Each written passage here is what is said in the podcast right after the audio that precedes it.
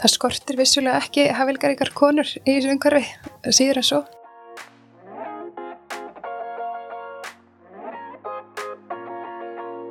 Í sömar tók ég viðtal við konu sem ég hef dáðstæður fjarska í mörg ár. Það er hún Salome Guðmundsdóttir, framkvæmdastjóri Icelandic Startups. Hún sagði mér fara starfinu þeirra, viðskiptarhauðlunum sem þau bjóðu upp á og að sjálfsögðu frumkvölakeppninni gullleginu. Ég vissi það sjálfsögðu ekki þá að þegar þátturinn kemur út er þið teimið mitt heima nýbúið að bera sigur og bítum í gullleginu 2020. Ég geti ekki sagt annað en að mín eigin reynsla af Icelandic Startups sé reynd út sagt frábær og ég mæla með því að allir frumkvölar kynni sér starfsemi þeirra betur og þátturinn í dag er sannlega góður byrjunareitur til þess. Þetta er þátturinn Það skortir vissulega ekki hæfilegar ykkar konur með Salome Guðmundsdóttur. Velkomin. Takk fyrir. Og takk bara kærlega fyrir að koma og, og spjalla. Ég læka til. Takk fyrir mig. Hérna, kannski bara til að byrja með, ertu til að segja mér aðeins svona frá þinni vegferð og hvernig hún leytir þig í Icelandic Startups? Já, emitt. Já, ég er búin að vera hjá Icelandic Startups alveg í sko rúm 6 ár í dag en á sín tíma þegar ég reyði mig til Icelandic Startups þá var ég búin að vera í um 5 ár hjá Háskólum Reykjavík og var að stýra opna háskólunum í HR og svona farin að horfa í kringum mig eftir nýjum áskorunum og rakst á auðlýsingu í blaðinu sem að talaði til mín. Og ég held að það svona þessi dýnamík í þessu umhverfi hafi svolítið kallað á mig, ég þekktu þetta aðeins til gulllegsins en verði samt að segja að mér óraði ekki fyrir því hversu svona umfangsmikið sprota umhverfið er. Og það hefur nú bara verið að vaksa síðan sko. Þannig að einhvern veginn leiðist ég þetta eftir svona frekar hefðbundir leiðum og sé ekki eftir því. Ég trúi því. Og hvað er Icelandic Startups? Hvað gerir þið þar? Icelandic Startups er í raun svona stæsta engareikni stuðningsæðili fyrir frumkvöla og sprótafyrirtæki á Íslandi og við erum að hjálpa frumkvölum alveg frá því að hugmynd kviknar og það er til að vara komin á markað. Við erum að hjálpa við að hraða ferlinu og síðan erum við auðvitað líka að tengja þá áfram við mentora eins og við köllum þá eða sérfræðinga, reynda frumkvöla, fjárfesta við háskóla umhverfið og, og jafnvel fyrirtækinn þannig að einmitt hægt sé að hraða þessari hugmyndavinnu eins mikið og, og hægt er.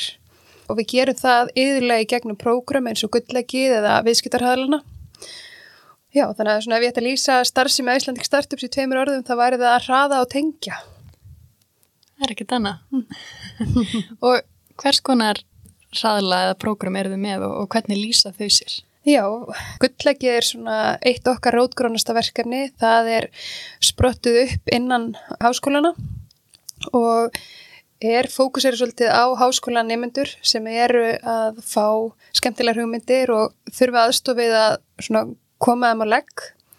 Það er alveg grunnstig hugmyndavinunar og mótun viðskipta áallunarinnar eða viðskipta mótilsins svolítið sem við förum í þar. Og þar eru við líka að tengja frumkvöla við sko sprota umhverfið og reyndari frumkvöla og erum með vinnusmiðir og annað. Þannig að þetta er svona ákveð ferli sem við fara inn í nokkra vikna ferli sem að enda síðan með keppni og það geta allir tekið þátt í kulleginu hins vegar. En síðan getur valið um það að fá skilin við skita áhællin og þá ertu komin í þessa keppni? Og þar eru valin topp tíu fyrirtækin sem oft þó mikla aðtikli frá fjölmiðlum og, og hérna fjárfestum sem leðis En síðan svona kannski það sem er svona þunga meðan okkar ekstri eru viðskiptarhæðlarnir sem eru þryggja mánuða prógram þar sem við veljum tíu fyrirtæki eðluga inn í hvert prógram svona meðaltali og þar eru þau komin aðeins lengra inn í ferlið. Jafnvel komið með eitthvað sem kallur svona proof of concept eða búin að prófa hvort að varan eigi heima á markaðinum Og þá eru við svona einmitt að bóra okkur aðeins niður í viðskiptamótili með þeim, skoða hvaðan tekjunar eru að koma, hvort það þurfa að gera einhverja breytingar á þessu fyrirkomulegi. Við erum að fara mikið í hannun og markasmál og hvernig þau geta þá stilt sig af til að nálgast markaðin betur og síðan hvernig við undirbúum þau fyrir fjárfesta kynningar eða fundi með mögulega viðskiptavinum. Og þetta eru þryggja mánu á prógram sem að enda oftast með stórum fjárfestadegi þar sem að, að þau kynna hugmyndi sína fyrir fullu sál af fjárfestum. Já, þannig að þetta er svona stundum fá þessi fyrirtæki fjárfestingu frá bakhjörlum okkar eða þá styrki jafnvel eins og er í sumar hjá Startup Supernova en Æslandik Startups er raun reiki þannig að eigendur okkar sem eru háskólinn í Reykjavík, Háskóli Ísland, samtökuðinar eins nýsköpunarsjóður Aturlífsins og Órigó til að leggja okkur til ákveði fjármagn árlega. En síðan er í raun og veru stærsti hluti okkar tekna að koma í gegnum styrki frá Aturlífinu og þessa fjármunni notum við til þess að hjálpa frumkvölum án þess að þeir þurfi að greiða fyrir aðstöðina og þannig virkar æslanding start og við erum reygin ánhagna að sjóna með non-profit félag. Já, ok. Og þegar þú segir að fólk tækir þátt í prógramunum og er þá kannski ykkur mánuðum saman í þeim, ertu þá bara að setja allt í hliðar og, og fer bara inn í hraðalinn, ertu að gera þetta með fram vinnu eða skóla, hvernig virkar það? Já, þeir eru og við svona mælumst til þess að þessi prógram, til dæmis eins og hraðalarnir, þetta eru þrýr mánuðir, þar sem við erum í mjög svona intensífu prógrami með þeim og hérna við mælumst til þess að þau svona einblýni mitt á fyrirtækið eða, eða þann rekstur á meðan að þau eru í prógraminu bara til þess að fá einfallega sem mest út úr því. Þetta er mikið áleg í þannan tíma en gríðarlega mikið upp úr því að hafa að taka þátt í svona prógrami og ekki síst í formi sko tengsla og endurgjafar frá þessum fjölmörgu aðlum sem er að koma og leggja okkur lið bara með því að hitta teiminn sem mentorar og, og jáfnvel að opna á sín tengslanett þeim til framdráttar sko. Já, við mælumst til þess að þeir séu alveg með fulla einbendingu í þessum prógrami meðan á þeim stendur. En síðan höfum við núna farið í meira mæla bjóða þeim upp á eftirfylgni eftir að prógramum líkur og það er þá bara svona check-in á nokkra mánu að fresti þar sem við erum að fylgja þeim eftir og, og ég vil tengja þau síðan áfram við kannski okkar svona starra tengslanett fjárfesta eða alþjóðlega tengslanettu okkar sko eftir því hvernig vindu fram. Tala svolítið um svona mismunandi skref í svona startup uppbyggingu eða svoleiðis. Mm. Getur þau kannski svona líst fyrir mér stuttumáli hvernig þetta hinn típisku fyrstu skref veru? Já, ég myndi segja sko allra, allra fyrstu skrefin er raun og veru bara svolítið svona, þú veist þetta átt að segja á sko út af hvað gengur hugmyndin og hver markkópurinn er.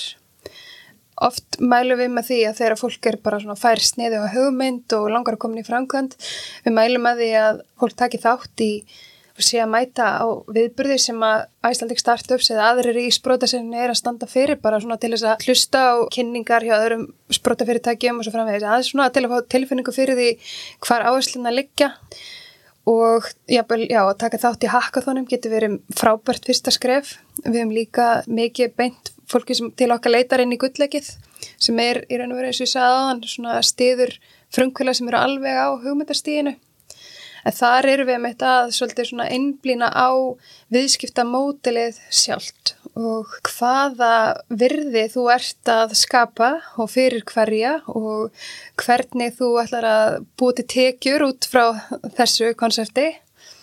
Það er nefnilega ekki nóg að fá frábæra hugmynd sem að margir hafa áhuga á ef að þeir eru ekki tilbúinir að greiða fyrir hana það sem þarf til að hlutinni gangi upp. Sko þannig að það er að mörga huga á fyrstu stegum og svo þetta kannski þegar aðeins lengra er komið að þá skiptir endurgjöf frá mögulega viðskiptu við erum gríðarlega miklu máli.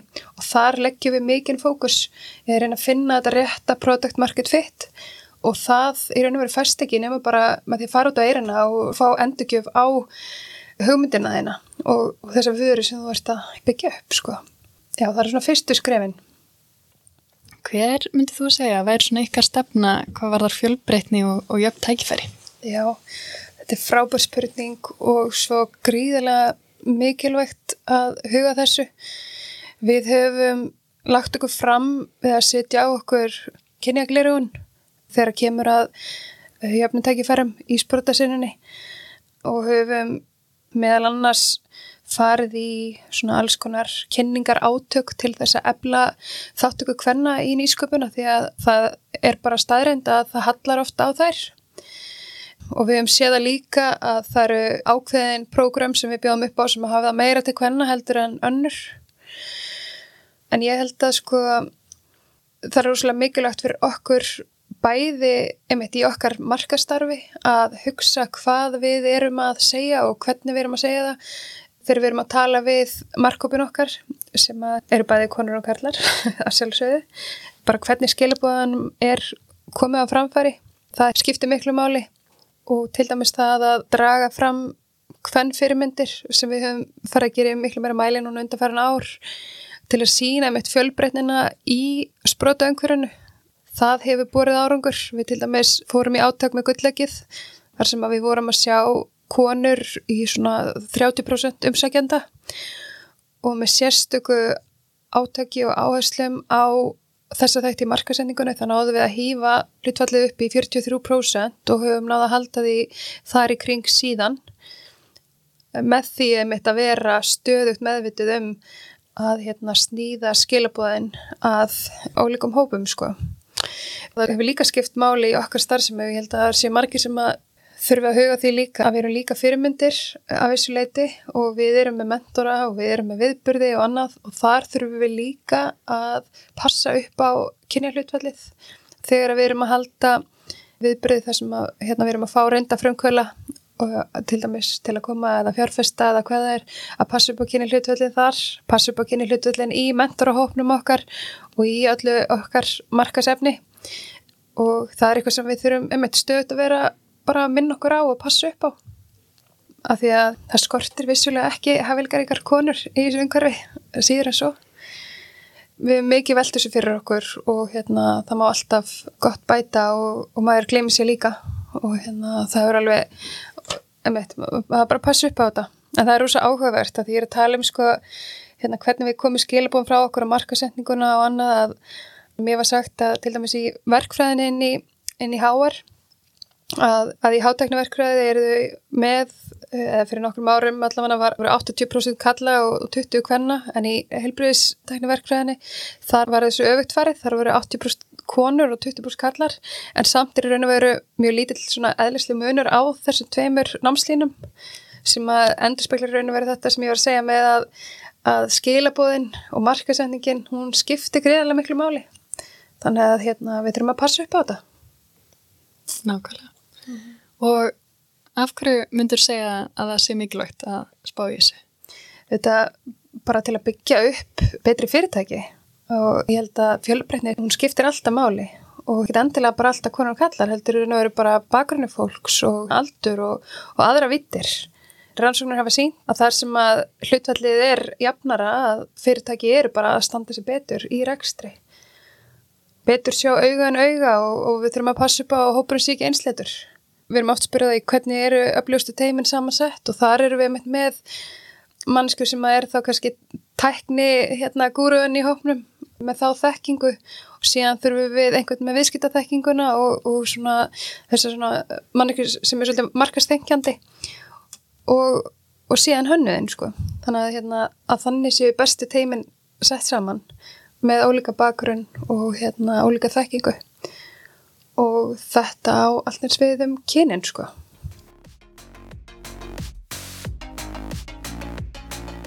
Nú talaði Salome aðeins um áhrif markasetningar á þær námsgreinina sem fólk af ólíkum kynjum leggja fyrir sig. En hvernig ætli ólíkar áherslur og áhugi kynjana sínir sig í starfsemi að Icelandic Startups?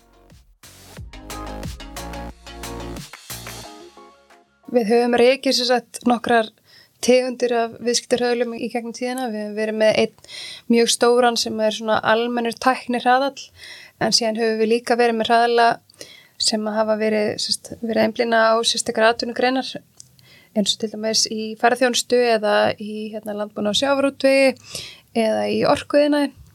Við sáum til dæmis mikið mun á umsækjanda hópnum þegar við vorum með orkuræðilin okkar, hvað var þar sko hlutveld kynjana versus færðjónstu ræðilin þar voru við með tölvört fleiri konur í hópnum, í hópu umsækjanda og, og jáfnvel þáttakanda heldur en í þessu svona hátekni orkuverkefnum sem sagði okkur svona eftir á higgja einmitt, þú veist, hvernig eru við að, að koma þessu framfæri? Eru við ekki hafðan aðeins vel til hvenna með orkuna og, og öfugt, sko?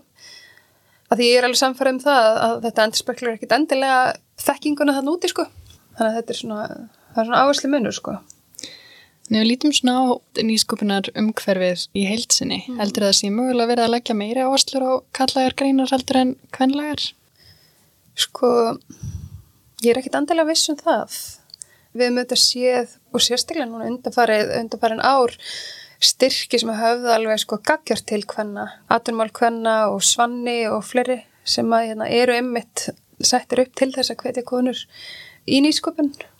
Nei, veist ég, það er ekki mín tilfinning allavega sko, að við séum eitthvað endilega að því. Ég held að þetta sé kannski bara meira umhverfið í heilsinni. Það er svona tækni með það og svona kannski þessar sögur sem hafa verið sagðar og, og einstaklingar sem dregnir eru fram eru kannski meira kallar heldur en konur og þar getum við bætt okkur bara sem samfélag hvort það er, er við inn í sprótangurinu eða fjölmilaðar eða aðri sko.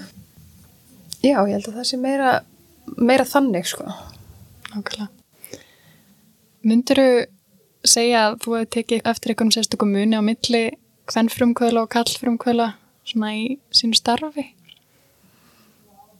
Nei, veistu að, að fólk er bara svo ólíkt bara, uh, þú veist, yfir að heila að ég myndi ekki segja að að það sé eitthvað meira einkennandi fyrir konur heldur en kalla en flesta þær konur sem að poppa upp í hugana með núna eru alveg þær eru með mjög mörg járn í eldunum þar hafa oft verið sko, mikla fyrirmyndu fyrir mérfangs að þær eru bara þær eru svo onitt og í svona frumkvöla bröldi þá er það ég veit að það er mikið álag og oft er þetta konu líka með hérna, fjölskyldu og heimili og jafnvel að sinna öðru verkanum til hliðar. Já, þetta er svona fyrsta sem poppar upp í hugan en, en svona almennt yfir það heila er þetta bara fullt af einstaklingum sem allir eru ólíkir sko. Ég myndi ekki ná að draga eitthvað svona eitt kannski fremur en annað.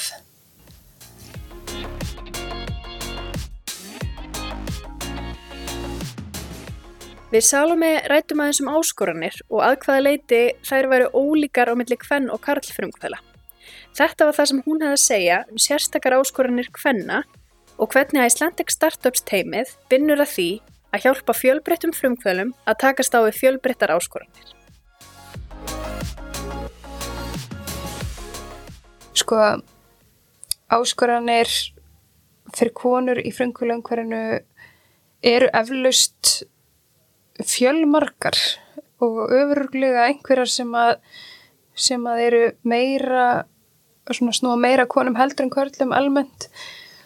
Maður hefur til dæmis bara svona í gegnum tíðina þú veist þess að snýr að fjármögnun að einhverju konur hafa talað um að það er upplifað að það sé kannski ekki tekið jafn mikið markaðum eins og ef það er koma með kallmann með sér inn á fundina.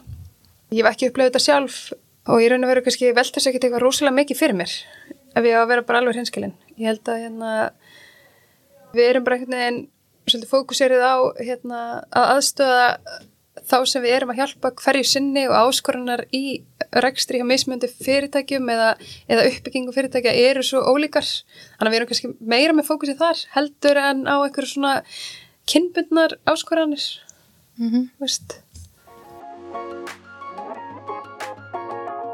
Hvernig mynduru lýsa nýsköpunum hverjum á Íslandi? Nýskumun umhverfið á Íslandi er það er alltaf mjög sérstakki tímar núna.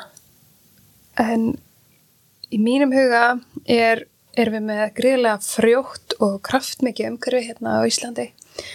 Um, við erum að sjá sko aðra á jafnvel þriðu kynnslu á frumkvöla rýsa upp og byggja upp ný fyrirtæki og, og eru að veita alveg glæni um frumkvölum ráðgjöf og jafnvel fjárfesta í fyrirtækjanu þeirra. Fjármögnunar umhverfi hefur auðvitað gjörbreyst frá bara frá árnu 2015 þegar að þrý nýjir sjóðir komin í umhverfið áður voru tveir fyrir og setna auðvitað krópur í 2017 líka þannig að það voru einhverju 12-13 miljardar sem komu inn í umhverfið gaggjart til þess að fjárfesta í sprótafyrirtækjum það er líka búið ebla taknutránu sem hefur verið mikilvægast á svona stuðningsbatteri eða fjármagnunabatteri fyrir sprótafyrirtæki á fyrstu stegum og við erum með ráð þeirra sem er einhvern veginn bara sértækifærin og vinnu gaggjart að því með, með sínu goða teimi að ebla umhverfið hérna enn frekar og svo er það fyrirtækin sem hafa líka verið að einhvern veginn efla nýsköpun og, og það meira talað um nýsköpun bara núna heldur að var þegar ég var komin í þetta umhverju fyrir 5-6 ára síðan.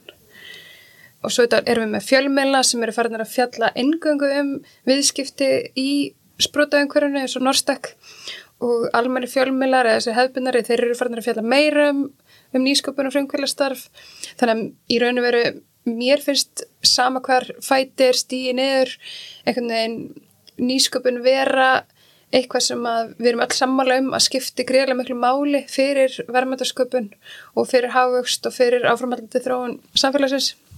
Og mér finnst líka bara við höfum aukið svona alþjóðlega tengingar og bætt þær sem að skipti líka miklu máli fyrir litla Ísland, hvað var þar bæði bara vöxt fyrirtæki á erlendri grundu og fjármögnun á fyrirtækjum. Þannig að hérna ég myndi lýsa umhverjum okkar sem, sem kraftmiklu og, og gróskumiklu sprotungverfi og ég held að við hefum samt mikið inni og það eru gaman að sjá hvernig þróunni verða núna næstu ár sko þegar við komum upp úr kreppunum ég, ég tel að nú sé tækifarið eins og var í kjálfar hundsins að nú muni fólk láta slag standa, jáfnveil margi mist vinnuna og að hér eftir nokkur ári og eftir að sjá næstu kannski svona menninga og kontrollant og, og CCP og Marel og, og svona rýsa upp sko. Nákvæmlega. Mm -hmm. Hvernig heldur þau að besta leginn til þess að valdefla fólk til þess að leggja fyrir sín ísköpun sé? Það skiptir miklu máli að það séu öflugir innviðir til staðar að það sé einhver til staðar þegar að þú í raun og veru færð góða hugmynd að þú svona fáir tólun og tækin í hendunar til að hlaupa áfram með hugmyndina. Ekkert endilega einhver sem að leiði þig í gegnum allt ferlið en einhver sem að svona uppfræði um tólun og tækin og einhver hérna sem að í raun og veru lúpar þið inn í, hvað segir, svona senuna, þar sem að hérta slær. Af því að um leiðu byrjar að tala um hugmyndina, þá fara hjólinn fyrst að snúast. Þannig að innveginni þurfa klálega að vera til staðar og svona á fjármagnu á, á fyrstu stegum þannig að hérna, já, ef við erum að hugsa um alveg, þú veist, grunnstígin sko. Og svo eru náttúrulega ymsar áskorunir í þessu flotta umhverju okkar en, hérna, en svona fyrstu skrefin þegar þú ert fær góða hugmynd og til þess að styðja þig við að koma hennakopp og þá held ég að einmitt þetta, það séu samfélag til staðar sem að grýpur þig, ekkit endilega til að leiða þig en samt til að peppa þig áfram og tengja þig síðan við aðla sem að geta hjálpa þér áfram Svolítið að halda loðanum gangandi Akkurat Og ef fólki langar að nýta sér þjónustunum hjá ykkur, mm. hvernig er best að hafa sig aðs? Allar svona kontaktupplýsingar eru inn á vefsíðin okkar icelandicstartups.is mm -hmm. eða senda okkur línu á hello.icelandicstartups.is og það er þetta bókar aðgjáðtíma og við erum ofta að hitta fólk bara í svona haldtíma spjalli og, og fara yfir hugmyndina og mögulega næstu skref, annað hvort þú tengið þau áfram eða þá að hitta þau aftur. Það er svona bara ímist eftir hvar hugmyndin er stödd og, og hver næstu skref eru í hverju eindrið til þess. Og má líka fylgjast með Facebook síðan okkar. Við reynum að deila það svona helst viðbyrjum í senunni. Hvort það eru hackathon eða hérna, einhverja sendiferðir eða prógram. Þannig að í hvert fólk eindriði til þess að fylgjast með okkur þar líka á Instagram og Facebook.